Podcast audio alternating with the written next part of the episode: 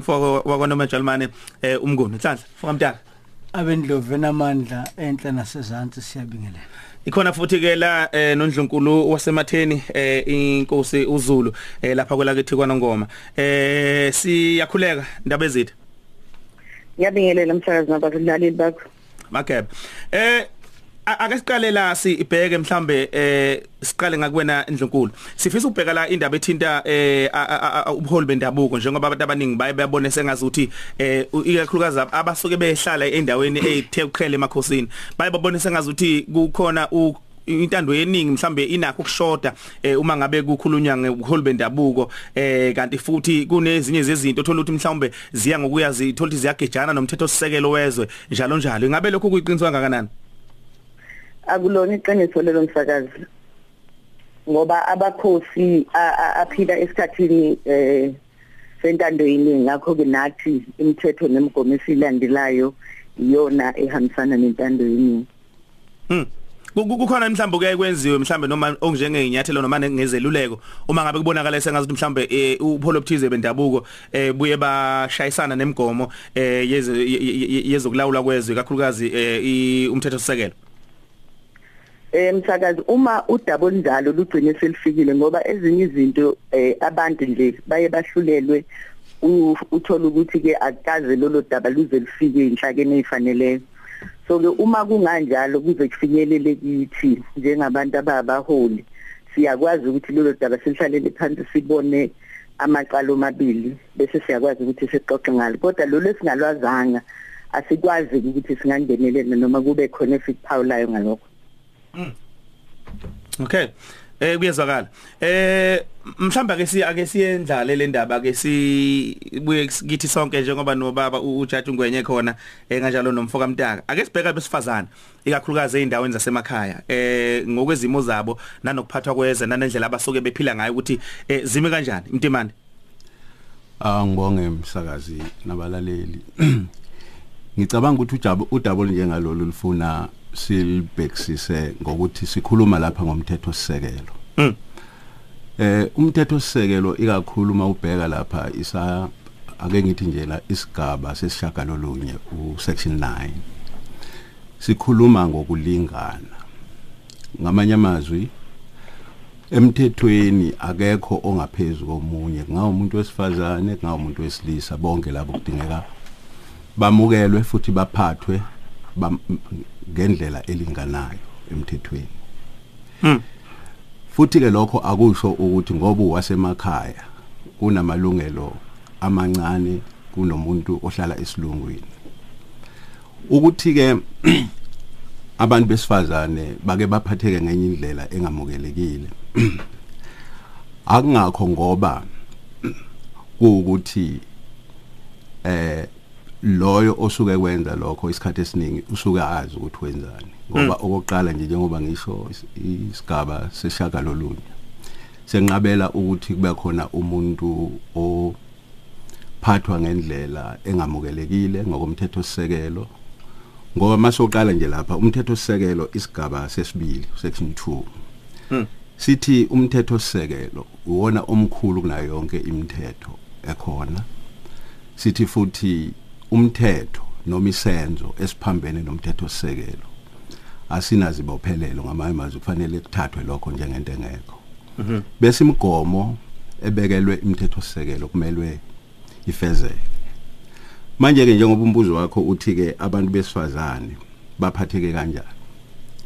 Ngicabanga ukuthi kufanele lokho sikubheke ngokuthi okokuqala njengoba ngiqonde kakhulu lapha eh sigabeni sika 9 kubalekile ukuthi sazi ukuthi ukulingana asisho nje ukulingana emakhaya sisho ukulingana ezweni lonke. Uma ngabe kukhona abantu abesifazane abaphatheke ngendlela engamukelekile ngoba kuthiwa abantu besifazane lokho kuwephula umthetho sisekelo hmm. okudingeka ukuthi loyo wesifazane ophatheke ngendlela engamukelekile ngawo kumcwasa kungawo kumnqabela amalungelo ngoba kuthiwa umuntu wesifazane lokho kumele ukuthi loyo ohlukumezekile ngoba singathatha ngokuhlukumezeka ayofuna einhlakeni ezifanele ubulungiswa kungayikhomishani yamalungelo esizwe ngayinkantolo yokulingana kungayinkantolo ejwayelekile Mm. ngicabanga ukuthi ke isimo siyileyo nto engizama ukuyichaza Mhm. inhlaka ke ekumele ithintwe njengoba ngisilo angeke zazi ukuthi umuntu uphatheke kanjani ngaphandle kokuthi loyo muntu azazofika kuzo. Inkinga ke enkulu esinayo ezweni lethu ukuthi ukufundiseka ngamalungelo ethu. Akekho osayinike ithuba lokukwenza lokho ngoba ukuba namalungelo akhona nje ukuba namalungelo kuphela. Kufanele nokuthi wazi ukuthi avikeleka kanjani nokuthi ungawasebenzisa kanjani. Kezwakala Mtimani.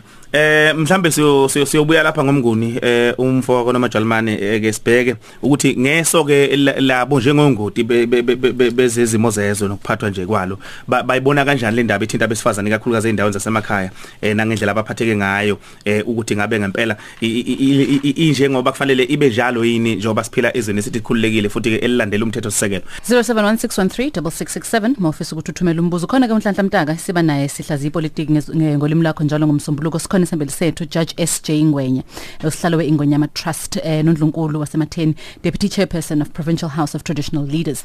Eh yena ke ukhona ke ucingweni naye usihambeli sethu. Eh mtaka ma- masibheka is- sivamile ukuthi siyibheke lento ohlelweni uma sisixoxa nje sibheke ingosi yethu lapho sihlaziya khona ipolitiki sibheka eh, izimo abantu abaphila ngaphansi kwazo. Masikhuluma ngamalungelo asikhulumi ngamalungelo ukuthi nje umuntu nomuntu isiqu sakhe ilungelo libheke yena nginelungelo ukuthi ngingashawa nginelungelo lokuthi ngi- ngi- ngifunde nginelungelo. Sibheka namalungelo emphakathi ngeindlela ezahlukahlukene. Ake siqale nje sibheke into yenqala sizinda emakhaya. Uma sibheka ngo- ngokwezinto ezifana nezikole amakliniki sibheke lokho bese sibheka ne- ne- nesimo abaphila ngaphansi kwaso. Masibheka izinto nje ezilula ama ukufinyelela emathubeni omsebenzi intuthuko zonke lezo zinto. Ngizothatha lokhu osekusho ndlunkulu wasematheni kanye nomehluleli ungwenya. Ngivumelane nakho ngoba kunika isithombe esiphelele eh ngalemphakathi esithi ngiyasemakhaya. Mhm.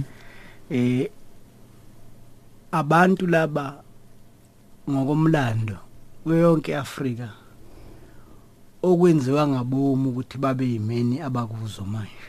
Mhm. Eh kwakungeyona imvelo ukuthi abantu basemakhaya bayohlupheka bazongabi nenqalasizinda kodwa kwaba khona uhlelo lokuthi kube njalo. Mhm.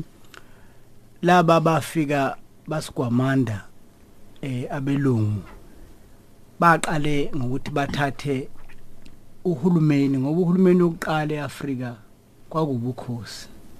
Kwakuhulumeni loyo kunenhlaka kunenhlonipho elandelwayo kunendlela yokuphila. Mhm. Bawususa basebefaka uhulumeni abathi ungcono. Umlando kuyosho ukuthi ungcono noma ukho ngcono kodwa babethi bona ungcono ngaleso sikhathi. Mhm. okwesibili base besusa umnotho. Umlungu wafika nje lapha eh kwaZulu sibonele uthi yena kusho kusho ekubhala yena impela eh uthi wafika abantu bakwaZulu nobukhosi bakwaZulu buneyinkomo ezesabekayo ezazisha ingcebo. Mm. ngamafupha akekho umuntu ayelambile ingakho bafika nabo bangafa badla. Yeah. Kwase kuthathwa ke leyo mnotho owawuyizinkomo owawuyinqala sizinda waguqulwa wenziwa eh, imali. Kwakhona indawo ekuthiwa kusedolobheni Mm. kwakhona indawo ekuthiwa kusemakhaya. Okubike ukuthi nathi ngesikhathi sethu sekuphethe abakwethu. Abasemakhaya angisho lapha eningizimu Afrika kuphela ngisho Afrika yonke. Mhm. Abasemakhaya basathathwa njengalento yasho lomlungu wayechwenza kwakuthiwa somtse owathi umfazi wakwaZulu is a perpetual minor should ingane nje naphakathi mhm nathi sisathatha abasemakhaya njengezingane mhm. Ingakho nje ukuzwa abantu basuke nje iminyango bathi bazohlangana egoli bekhuluma ngabantu basemakhaya. Bengayanga kona Yeah. ngoma nasenhlazatshe. Delelwa nje kwabantu basemakhaya. Uzwe sekunemithetho ekhuluma ngabo bengekho. Eh uzwe uma sikhuluma ngabo la eningizimu Afrika ke kuze kube kubi ngoba ukuba semakhaya sekulunjaniswa ne- nenhlupheko mhm. nokungabi namqondo. Kanti lapha ngabantu laba ngabanomzana ngomama eh ngabantu abayizaziyo nabayithandayo nabacabangayo. Ongathi uma benikwa ithuba lokuthi balalelwe baqhamuke nezimo ezingcono kuye kumangazeke kusuke eh umuntu walapha eThekwini oqashile ozothi uma ese eh, eh, ehamba emhlabeni ayocela ukuyongcwatshwa asukele umuntu wasemakhaya onendawo yakhe ongaqashe indawo yonomhlaba athi uyahlupheka kusho umuntu oqashile. Angithi ilento yokuthi sithatha abantu basemakhaya ngokuthi bona abacabanga ukukhuluma. Into emqoka ke inqala sizinda ukuba nenqala sizinda eh esezingeni ingangafana. Kodwa kuyafuneka ukuthi ikwamukele ukuthi uyaphila nawe umuntu uyisakhamuzi ngoba lokho umqoko i- umahlulela ukukhuluma ngomthetho sisekelo umthetho sisekelo awusho ukuthi eh, kunomuntu wasemakhaya nomuntu uthi kunesakhamizi kuyishwa ukuthi eh emndaweni zasemakhaya ingqalasizinda isayiphupho. Ingqalasizinda kwezinye indawo kusafuneka kade sikhuluma nje ngesinedlule udabo olulwa nje lamanzi Mhm. thiwa kugeza izandla nje kwezinye indawo emakhaya eh, into engeke yenzeke leyo noma ngabe bayathanda ukwenza lokho. Kwezinye indawo ukuthi omama bekukhulunywa ngabantu besifazane beyithwele kufuneka bazolandwa eh, inqola yasesibhedlela Mhm.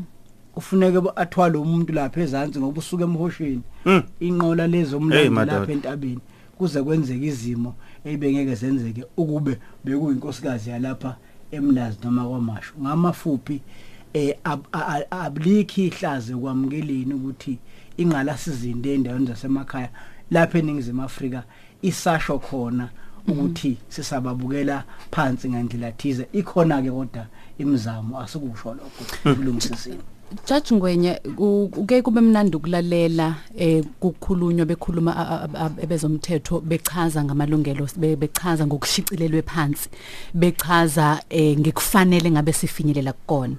Bese kuba khona ke i- i- i- isikhala esikhulu phakathi kwalokho kushicilelwe phansi naloko kuyikona esikuphilayo naloko kuyikona esikulindele ngoba masokhuluma nge nge right to education eh masokhuluma nge right to um to health right to a name right to dignity zonke lezo zinto. Eh le- lento echazwa umtaka eh e- enye izinto ehamba ihambe ithikameze isithunzi sakho nje wena ukuthi ukhulelwe awukwazi ukuthi ufinyelele. Kwakuthi ifike iambulance. Yito oholela ukuthi ifike iambulance. Eh kunelungelo lishicelelwe phansi ukuthi umntwana nomntwana unelungelo ukuthi makaye esikoleni. Umzali ngekamvimba umntwana athi makaye esikoleni lo mzali usuke necala elikhulu ngendlela esimanga. Kodwa imfundo izinga lemfundo masibheka emakhaya lidala ukuthi lo muntu mase kufanele angene emhlabeni wangempela ke manje ukuthi kuyasetshenzwa kuyaphilwa. Kube ukuthi yena ak- akafiki ak- akafani nomntwana omhlawumbe okhulele endaweni zasemadolobheni. Yini ledala kube khona isikhala singaka phakathi kokushicilelwe phansi nokuyikona okwenzekayo nokuyikona esikuphilayo? Angibonge lapho umsakazi kunenge okudala lokho kodwa ke ngizo bheka kulokho. Ukuthi okokuqala lamalungelo ukuze abonakala ukuthi akhona kuyinselele enkulu kuhulumeni ukuthi enze konke okusemandleni.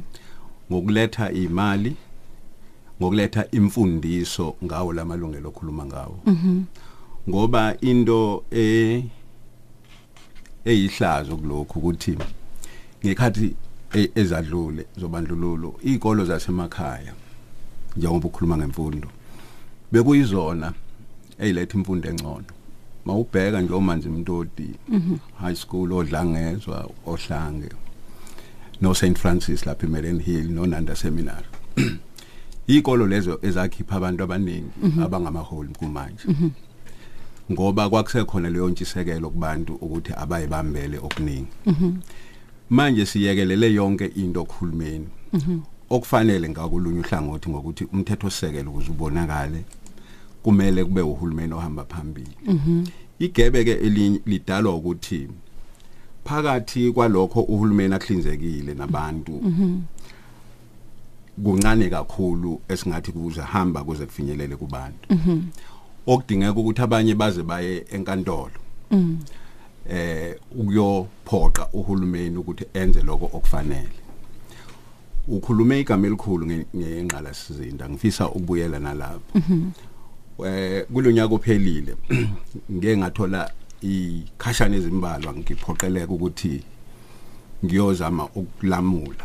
Phakathi kwabantu nosomabhizinisi endaweni ethize. Komunye umasipala ngenxa yokuthi abantu basemakhaya kuze kube manje umthetho osisekelo akafinyeleli kuwo ukubavikela.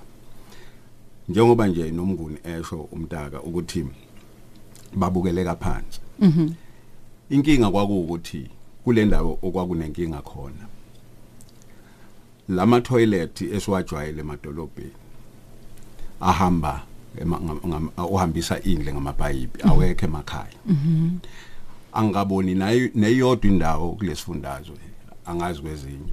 La uhulumeni abe nohlelo lokuletha nje izindlu zangasese emakhaya ezifana nezasemalokishini noma ezifana nezasedolobheni.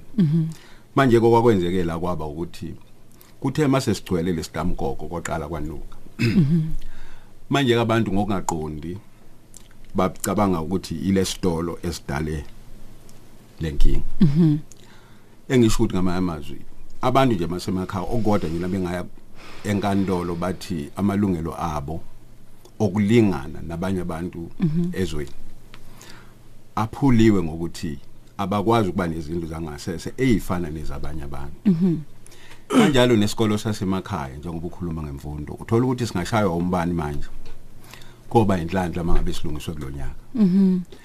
Kanjalo futhi nokuthi othisha bakwazi ukuthola indawo zokuhlala ezifanayo nezasedolobheni kubenza babe manqika ukufuna ukuyofundisa emakhaya. Mhm eh ngaleyo ndlela ke kusho ukuthi ke nemfundo yasemakhaya igcina incikisela ngokuthi kuya uthisha ngoba engakwazi ukuthola isikolo la ebefisa khona. Bese kuyenza ngoba eyolahla athi mayefika uthola ukuthi emakhaya mawuya nje endaweni eziningi othisha ngomsombuluko bafike emini ngoba abahlali khona. Ngolezihlanu futhi basheshe bahambe ngoba bephindela la baya khona. Mhm. Okusho ukuthi ngamanye amazwi uma ngabe uhlelo lwamalungelo mhm. uhulumeni engenzi lokho kumele akwenze ngokuthi alethe imali alethe imfundiso futhi aqikelele ukuthi umthetho lo ukhuluma ngokulingana. Mhm. Awusho nje ukulingana ngokucabanga komuntu kodwa kufanele kube khona indlela esiqhathanisa ngayo ukuthi sisukela kuphi khona. Mhm. Manje ke masizovele sithi ukulingana nje kodwa singazi ukuthi ukulingana kwani nani. Mhm. So kwenza lokho esikwenzayo okungamaphutha amaningi aya phambili. Bese lokho kuholela ekutheni sicabanga ukuthi abantu basemakhaya kufuneke kube ngathi bayazwelwa. Umthetho sisekela awuwona wabo Mm. Yileyo nselele ke ngicabanga ukuthi sibhekene nayo. Gezakala Mtimande. Mhlamba ke sithi ugwinye mathe eh siye ngapha. Ngifisa nje kancane nje la ku Ndlunkulu eh lapha ematheni kwelakithi. Eh umntaka la eh mngoni umngoni ubheke la Ndlunkulu indaba ethinta ingqala zinde emakhaya ukuthi eh zisele iphupho futhi kubonakala nakuba intando yeningi sidonsa iminyaka engaphezulu kwamashumi amabili eh icela kuya amashumi amathathu manje kodwa eh kusafana nephupho amakhulunya ngezingqala zinde endaweni zasemakhaya. Eh mthakazi ngiyabonga eh ngivumelana nomnguni nomtimande njengoba kade bebeke ukuthi eindaweni zasemakhaya kuseneyindawo la izinqala zisizinda zingekho khona. Uma usabuka abantu besifazane besuka eh kusukela enganeni mhlawumbe sino 9 years beyofuna amanzi la bewafuna khona uthola ukuthi bayahlala kuze kuphele isikhathi esingangehora ngoba belindele lesi lomthombo omncane okhipha amanzi. Lokho ke kwenza ukuthi ubuke ukuthi akufanana. Uma usuka nje endaweni yakanongoma uya endaweni yasedolobheni bese uyawubona kakhulu umehluko. Bese kuthi laba bantu abangakazi impela babe nalithuba lokuvela eindaweni zasemadolobheni. Uyabona ukuthi kunzima kangakanani mhla wafika khona uyomangala ngisho ukumangala ngoba azikho ingqalazinda kwezinye indawo akukho ngisho ama toilet lawa abakhona. Uthola ukuthi njengoba usazi isakhiwo sasemakhaya uma likhona i-toilet emzini umkhulu noma inxuluma usule lile ezantsi ufica ukuthi okuzingane ezincane kuze kuyikhulule khona lapha egcekeni ngenxa yebanga elikhona. Em kuningi indaba zikagesi indaba zeyikolo izikolo ikhona uthola ukuthi inani lezingane liningi amaklasi ambalwa. Ngakho ke thina nje esihlala emakhaya sisebenzele emakhaya uyayibuka lezinto usuku nosuku ukuthi khona impela indawo la obona khona ukuthi kusenzile. Nakho ke njalo eh okade kukhulunywa umnguni ukuthi abantu basemakhaya kudinga ukuthi uye kubo uyohlala nabo. Kunjalo. Basho ukuthi cha thina siyisizwe noma siyindawo la noma kulesi sigodi naku thina sicabanga ukuthi siyakufuna.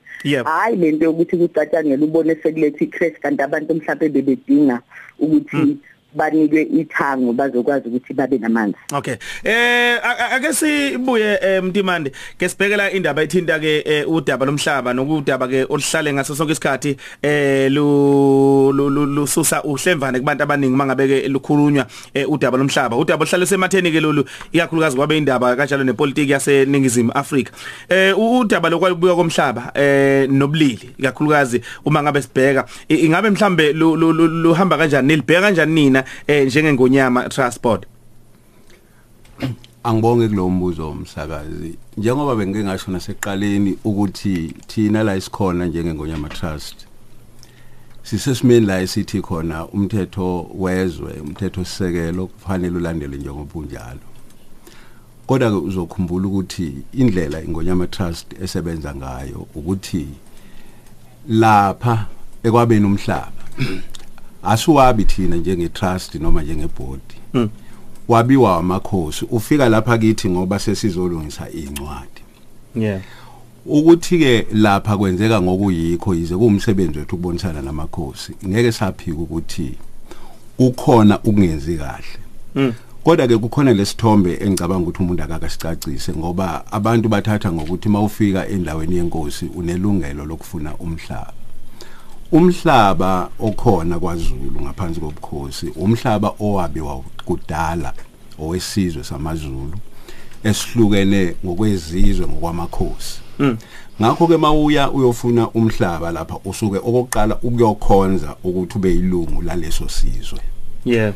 mawusukhonzile ke ngokwendlela yakhona uqala enduneni uye emkhandlwini bese ke makukuthi ufuna amaphepha ke koze kufinyelele kwingonyama transport la kithi ke mangabe kufike njengengonyama transport asikhethi noma ngowesifazane noma ngowesilisa uma ngabe nje kuukuthi siculisekile ukuthi umuntu okhulile ngokomthetho okwazi ukungena esivumelwaneni siyaqhubeka senze amaphepha abekhona kodwa ke inkinga esizaziyo noma esizizwayo ukuthi ziyenzeka kukhona ukuthi uthole ukuthi kusele izingane sekhamba abazali. Bese lezo ngane uthola ukuthi kuqhamuka sebeyiqoneka befuna ukuyiphuca amalungelo azo emhlabeni.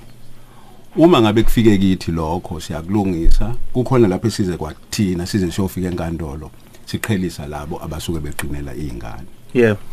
kanjalo futhi siyayisikuthola ukuthi kuyenzeka kuhamba ubaba bese kusala umama besuzwa kuthiwa ukuthi umama kazokhonzela ngabusha umhlaba. Okwakuvele kuwo wakhe ngoba eganile Mm. lokho akukho emthethweni uma ngabe kufike futhi ezindlebeni zethu.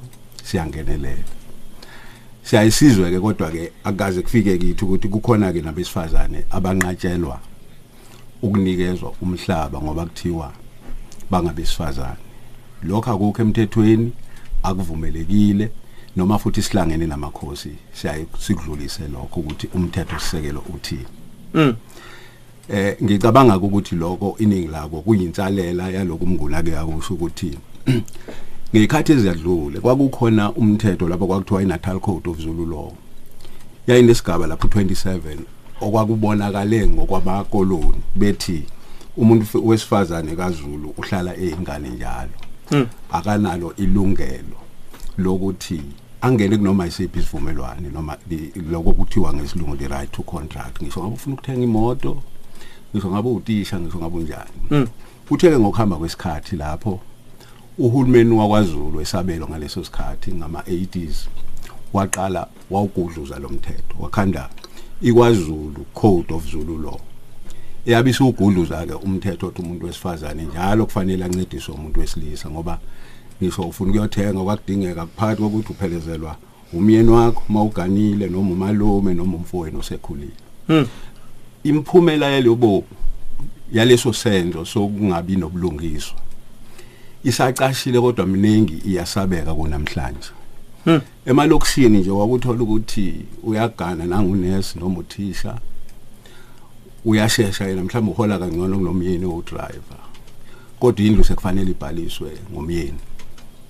Mase kuhlukwana sekuthi umyeni indlu yakhe wena phuma njalo. Ngizama ukuthi izono zayizolo.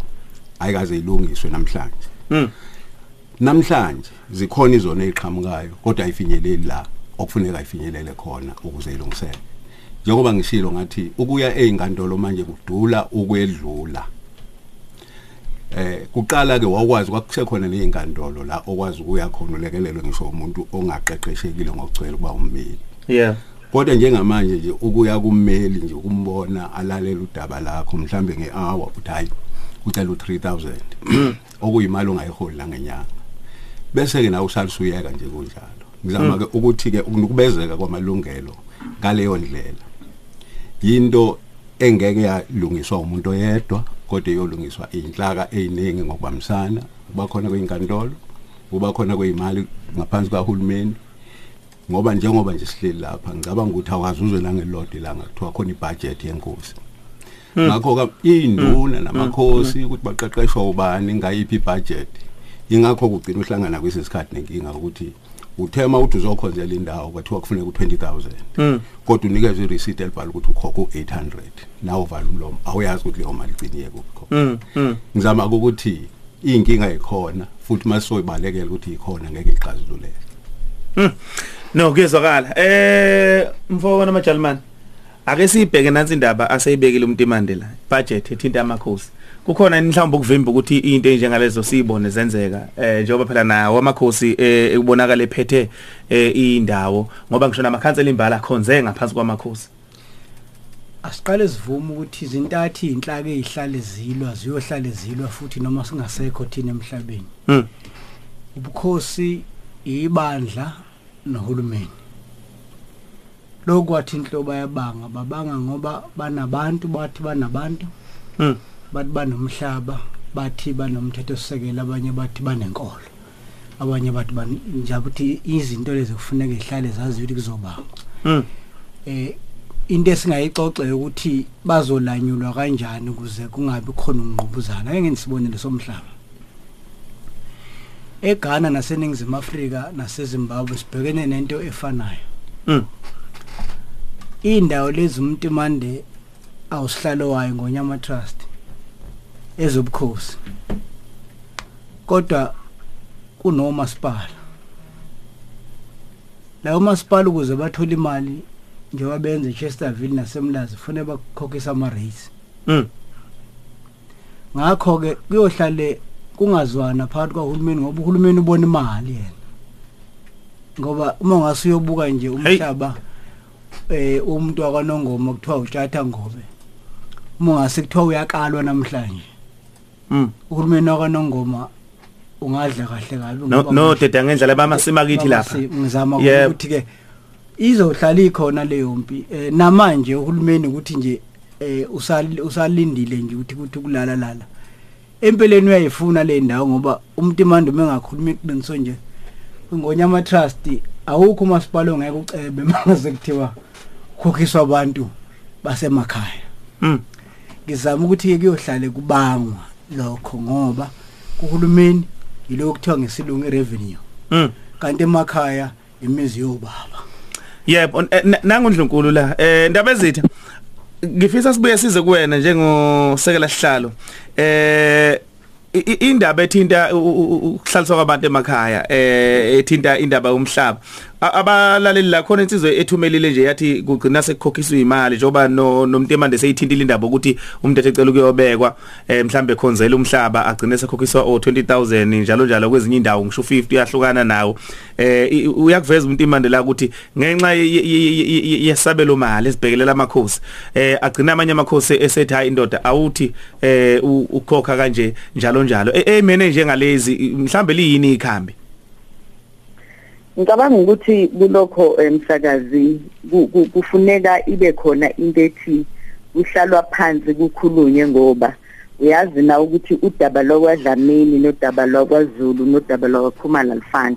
Mm kodwa uma kuwukuthi sisebenza ngaphansi kwesakhiwo esifanayo iyadinga yona lento ukuthi kuhlale phansi kwazeke ukuthi ikona kuphi okufanele kwenzeke. Ngoba iqiniso lithi kwenzeka kanjalo ngoba amakhosi a- a- i- i- izinto ezilandelwayo ne- ne- ne- nohlobo kwenziwa ngala lifanana so ngicabanga ukuthi mangahlala phansi kukhulunywe ngalokho ngoba njengoba esho nje umuntu manje siyesiza ukuthi akufananwa nathi nje lapha ematheni kune kune kuneyimali ezikhokhwayo ayifani futhi nakwezinye indawo ayifani neyakwamandlakazi ayifani neyasosuthu so ke kuyadinga ukuthi ke masebenza ngaphansi kwesakhiwo esifanayo ke kuhlale phansi kukwazi ukuthi ke kubekwe. Mhlambe ke umthelela ukhona ekuthenini vele a- ayikho eh, ibudget ekhona ethi ke uma usebenza lapha ematheni noma kwamandlakazi usebenza ngalolu hlobo nali ibudget ofanele isebenze ngayo. So ke lento isiyenzeka isikhathi eside. Uma yenzeka isikhathi eside isifuna ukuthi ke ngoba yikho into engaguqulwa ifuna ukuthi kuhlale phansi ke xoxa ukuthi ikona kuphi efanele kwenzeke. Kodwa iqiniso lithi zikhona zona imali ezikhokhwayo uma uzokhonza endaweni yenkosi ufuna ukuthi uhlale khona. Ngiyafisa ukuphawula nangalokhu kokuthi abantu besifazane iqiniso lithi ke msakazi njengoba ngisho ukuthi ukusebenza kufanani kodwa ey'ndaweni ey'ningi abantu besifazane bayakwazi ukuthi ke ba- ba- ba- ba- ba- banikezwe ilungelo lomhlaba ematheni nje abantu besifazane bayakwazi ukuthi bathole ilungelo kodwa kuloku ukuthi umuntu mandade kubeka ukuthi eh abantu besifazane babukeka beyingane.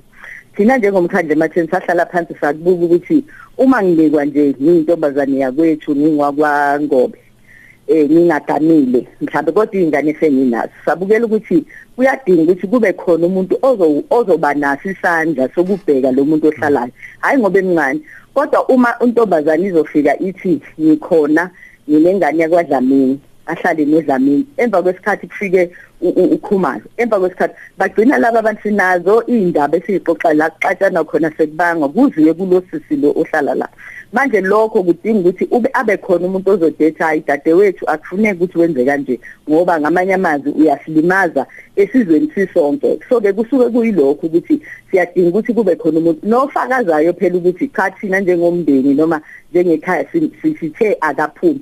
Ngoba kwesinye isikhathi uthola intombazane iphuma ekhaya nje ixoshiwe iyalwiswa. Manje sisuke sifuna ukuhlehla siyithole kahle ukuthi isukaphi lento ukuthi akasuke akhishwe abe nendawo yakhe yokuhlala.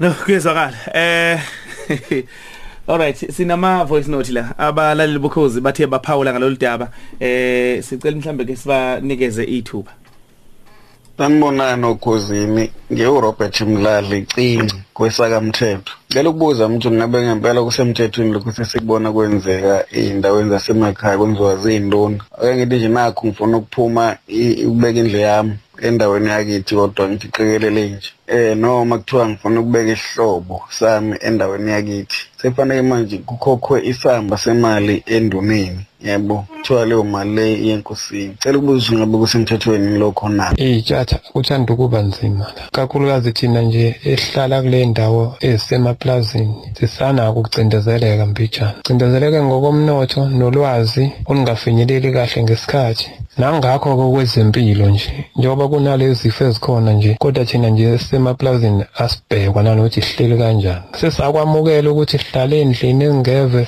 zisezingeni intuthuka siyithola inhlobo lokho siyakwamukela kodwa-ke akubhekwe phela nangezinga lezempilo ukuthi mhlambe lona lisahamba kanjani ngoba buka nje manje na sikhathazekile ngokwenzekayo ezweni kepha manje akwenzeki nje ngendlela ekuyiyona lapha ey'ndaweni zasemakhaya ezisemaplazini uhulumeni akakangenelele kakhulu abhena nendlela yokuthi thina singasizakala kanjani ngokwengcebo esuke isebenza ngaleso sikhathi kungagcina kuzuza umnikazi oyedwa nje kuphela kodwa nathi sizele siney'ngane sikwazi nazo ukuthi zingazuza ngendlela eyiyona ngibonge ulungani lo wakangcobo lapha endaweni yakamgayi kaklaka Efeni basakazi ngibingelele nabalaleli nezihambeli zethu. Hayi okuhle nje ngifisa ukukhuluma yilokho ukuthi amalungelo wona sethanda ucishe kulingana impela. Uma ubheka nokufika kwenkululeko ke noma kukhona izinto okukhalwa ngazo ama-toilet amanzi nokunye. But njengemfundo nje kufuze ngabe isezingeni ngikubona kungayivimba ukuthi besezingeni. Uma ubheka nje uhulumeni uzufake ngisho uthisha lapha obanikeza ngisho imali ekuthiwa i-rural as- incentive. Uma useze emakhaya kukhona imali oyiholayo enzela kona ukuthi izinga lemfundo lifane naselokishini. Kumele kushintshe impela. Nokwakhiwa kwezikole kwenye ezinye indawo uyakubona. Kodwa ke kancane kancane kuyoze kulingane ngendlela okufanele kube yiyona. Angibonge nguthokoza nkesheza naphothelwa ngila kwadukuza Yeah em a- ake sibheke emaphethelweni nodaba lwethu. Eh siligoqa eh baphawuli labalali bethu la. Mhlambe khona yini imtimande eh o- o- oye wakuphawula ekuphawuleni kwabo ongathanda ukuthi mhlambe uphendule kona? Angibonge msakazi. Cha ngicabanga ukuthi kuloko engikuzwile okudinga impendulo ngoba laba abanye beku ukubeka nje umbono. Yeah. Yilo oqala othe ufona ukwamthetho noma ukhuluma ukwamthetho ebuza ukuthi kuyikho yini ukuthi mangabe esefuna ukwaba lapha kwabo abela noma isihlobo sakhe bese induna ibiza imali. Mm. engingakusho ukuthi likho ilungelo lokuthi induna ibiza imali kodwa kubalekile mawuzobeka umuntu ngoba umuntu nomuntu uba ingxenye yesizwe kumele naye kube khona indlela akhonza ngayo noma yobika ngayo komkhulu Mm. yiloko nje ngakusho Yeah. No kuye- kuyezwakala, kuyezwakala ma. Eh mhlambe siye ngapha ngindaba indaba ezitha eh, ku- ku- ku- kunensizwa la mfowethu Nkosi na uyabuza la eh uthi eh, ekhaya kulapha be- kahle hle ekhaya bekuse Hawini lapha kwaMandlakazi eh ngasokedeni uthi kodwa manje e- e- e- ekugcineni u- uthi umethu uyabuyela e- e, ufuna ukubuyela enceweni lapha na khona afisa ukwenza induna isifisa uthi manje aka- aka- aka- kube khona kukhipha yakhokhe kodwa manje uyabuza ukuthi awu kanjani nanduna ngoba phela eh abazali bami nje inxiwa lakithi leli uyazi na eh lithi hayi safanele ukuthi a- a- a- akhokhe manje. Eyimene njengalezo kuya ekutweni abazali bebekade bakhile eh bashona iyabuya manje indodana isifuna u- u- u- u- ukumisa ichokovana. Induna isi isifisa ukuthi kube khona kuthiza khiphayo njengoba ngike ngasho msakazi ukuthi ke na i- i- i- ukusebenza kwamakhosi akufanani njengakubeka lokho ekuqaleni. Kodwa ke ku- ku- kuye ku- kuye kubukeke ukuthi yebo abazali kade kuyinxiwana kubo ba ba- bathutha ngendlela abathutha ngayo baya lapha bayikhona bahamba isikhathi esingakanani. Ngoba imvamisa uma inxiwa unalo kuba nesikhathi esithile kuthiwa lesi leli nxiwa leli mhlambe uyakhonza ukuqala unikeziwe. Kodwa uma ukuthi sebethuthile ake sithi sebethuthi kwaphela 20 years. Leyo ndawo le indawo nje yahlala yaba indawo engase engasasebenzi. Iye ibuyele enkosini ukuthi inkosi ayibheke leyo ndawo. So ke ngicabanga ukuthi kusukela kulokho noma ngingenawo ke isiqinisekiso sokuthi kupho kwenzakalayo kodwa kuye kwenzeke lokho msakazi Ndaba ezitha. Eh mfowamntaka eh lakho nje logoqa mfowethu u- u- ungathini? Kuyona yonke le- le ngxoxo esikade siphezukwayo. abantu basemakhaya abazona ingane abazona futhi ihula bayizakhamisi umthetho sisekelo uyabavikela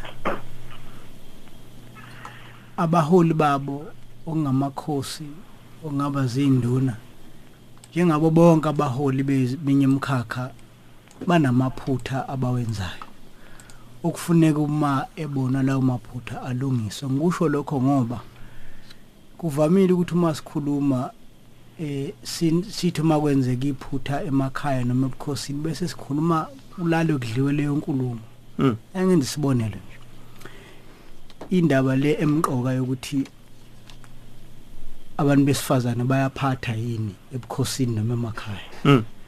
useyiphendulile indlunkulu nawo undlunkulu ubufakazi balokho. Yeah. kodwa akekho ubuza ukuthi uma kukhetha uphapha bapha abantu besifazane. Mm. ngoba kakho sisidela uma kukhethwa uphapha. Kuhlala amadoda nyodwa ubone ngoshemula ukuthi sikhothiwe kwindoda ngamafuphi ngizama ukuthi akhona amaphutha akhona ebukhosini nasemakhaya. Njobe khona amaphutha umuntu mande ngiyajabula ukuthi wavumile ukuthi njengabantu ababhekelele eh, umhlaba ayabakhona kodwa awaxoxe phela ngoba lolu uhlaka okufuneke nalo lulolwe lilungiselwe isikhathi samanje. Okunye kufuneke futhi sikugcizelele umuntu mande njeng- njengomehluleli uyophawula abantu basemakhaya nabanelungelo phela lokuphila impilo yabo. Mm. Lokuthi njalo befundekelwe ukuthi sekune democracy yebo ikhona kodwa ithi bangaphila impilo yabo angenze sibonelo uma uyalapha eWestville ikhona imiphakathi ekuthiwa iphila ngaphandle ngaphansi kwama-gate gated communities Mm.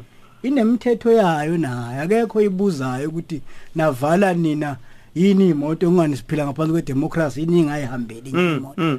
usuka indoda nje lapha eThekwini noma eMaritzburg iye emakhaya ithi ifuna ihholo ngoba idemocracy ayiye phela eCity Hall. Ukuye yini la eCity Hall uyofuna ihholo ngoba ukuthi democracy ngizama ukuthi asingadeleli abantu basemakhaya. Uma bekhona amaphutha awalungise kodwa lemithetho ekhona banelungelo lokuphila babe umphakathi oba nemithetho yawo ehambisana nentando yeningi hayi le ukuthi sebezoqinelwa ngabantu abasemadolobheni eh babakhulumela ukuthi kufuneke baguquke ngoba kune democracy i democracy isho khona lokho ukuthi banelungelo lokuphila nabasemakhaya impilo yabo. Impilo yabo. Ngoni. Eh mntimani elakho lokugcina baba? Cha a- angibonge nje umsakazi kufishane kimi ngiyacabanga ukuthi siqale udaba olujulile kodwa ke siyacabanga ukuthi kophindwe xoxiswane ngelinye ilanga sibonge kakhulu ithuba. Sithokoza kakhulu baba. Eh ndaba ezitha Eh angibonga kakhulu umsakazi siyabonga kakhulu uvuleleka nje ithuba lokuthi kube nezingxoxo ezifana nalezi. Nami ngifisa ukugcizelela kulokho ukuthi ke ayiveli ithanga mibeningi zokuhlala sixoxa lezi ndaba. Si abantu babe nalithuba lokubuza sixoxisane nabo ngoba ngesinye isikhathi umuntu uyathatha isinqumo ngento kodwa akanalo ulwazi. Ngakho ke usho njalo usimakade uthi abantu bami bayafa ngoba beselulazi ngiyabonga umsakazi sithokoza kakhulu ma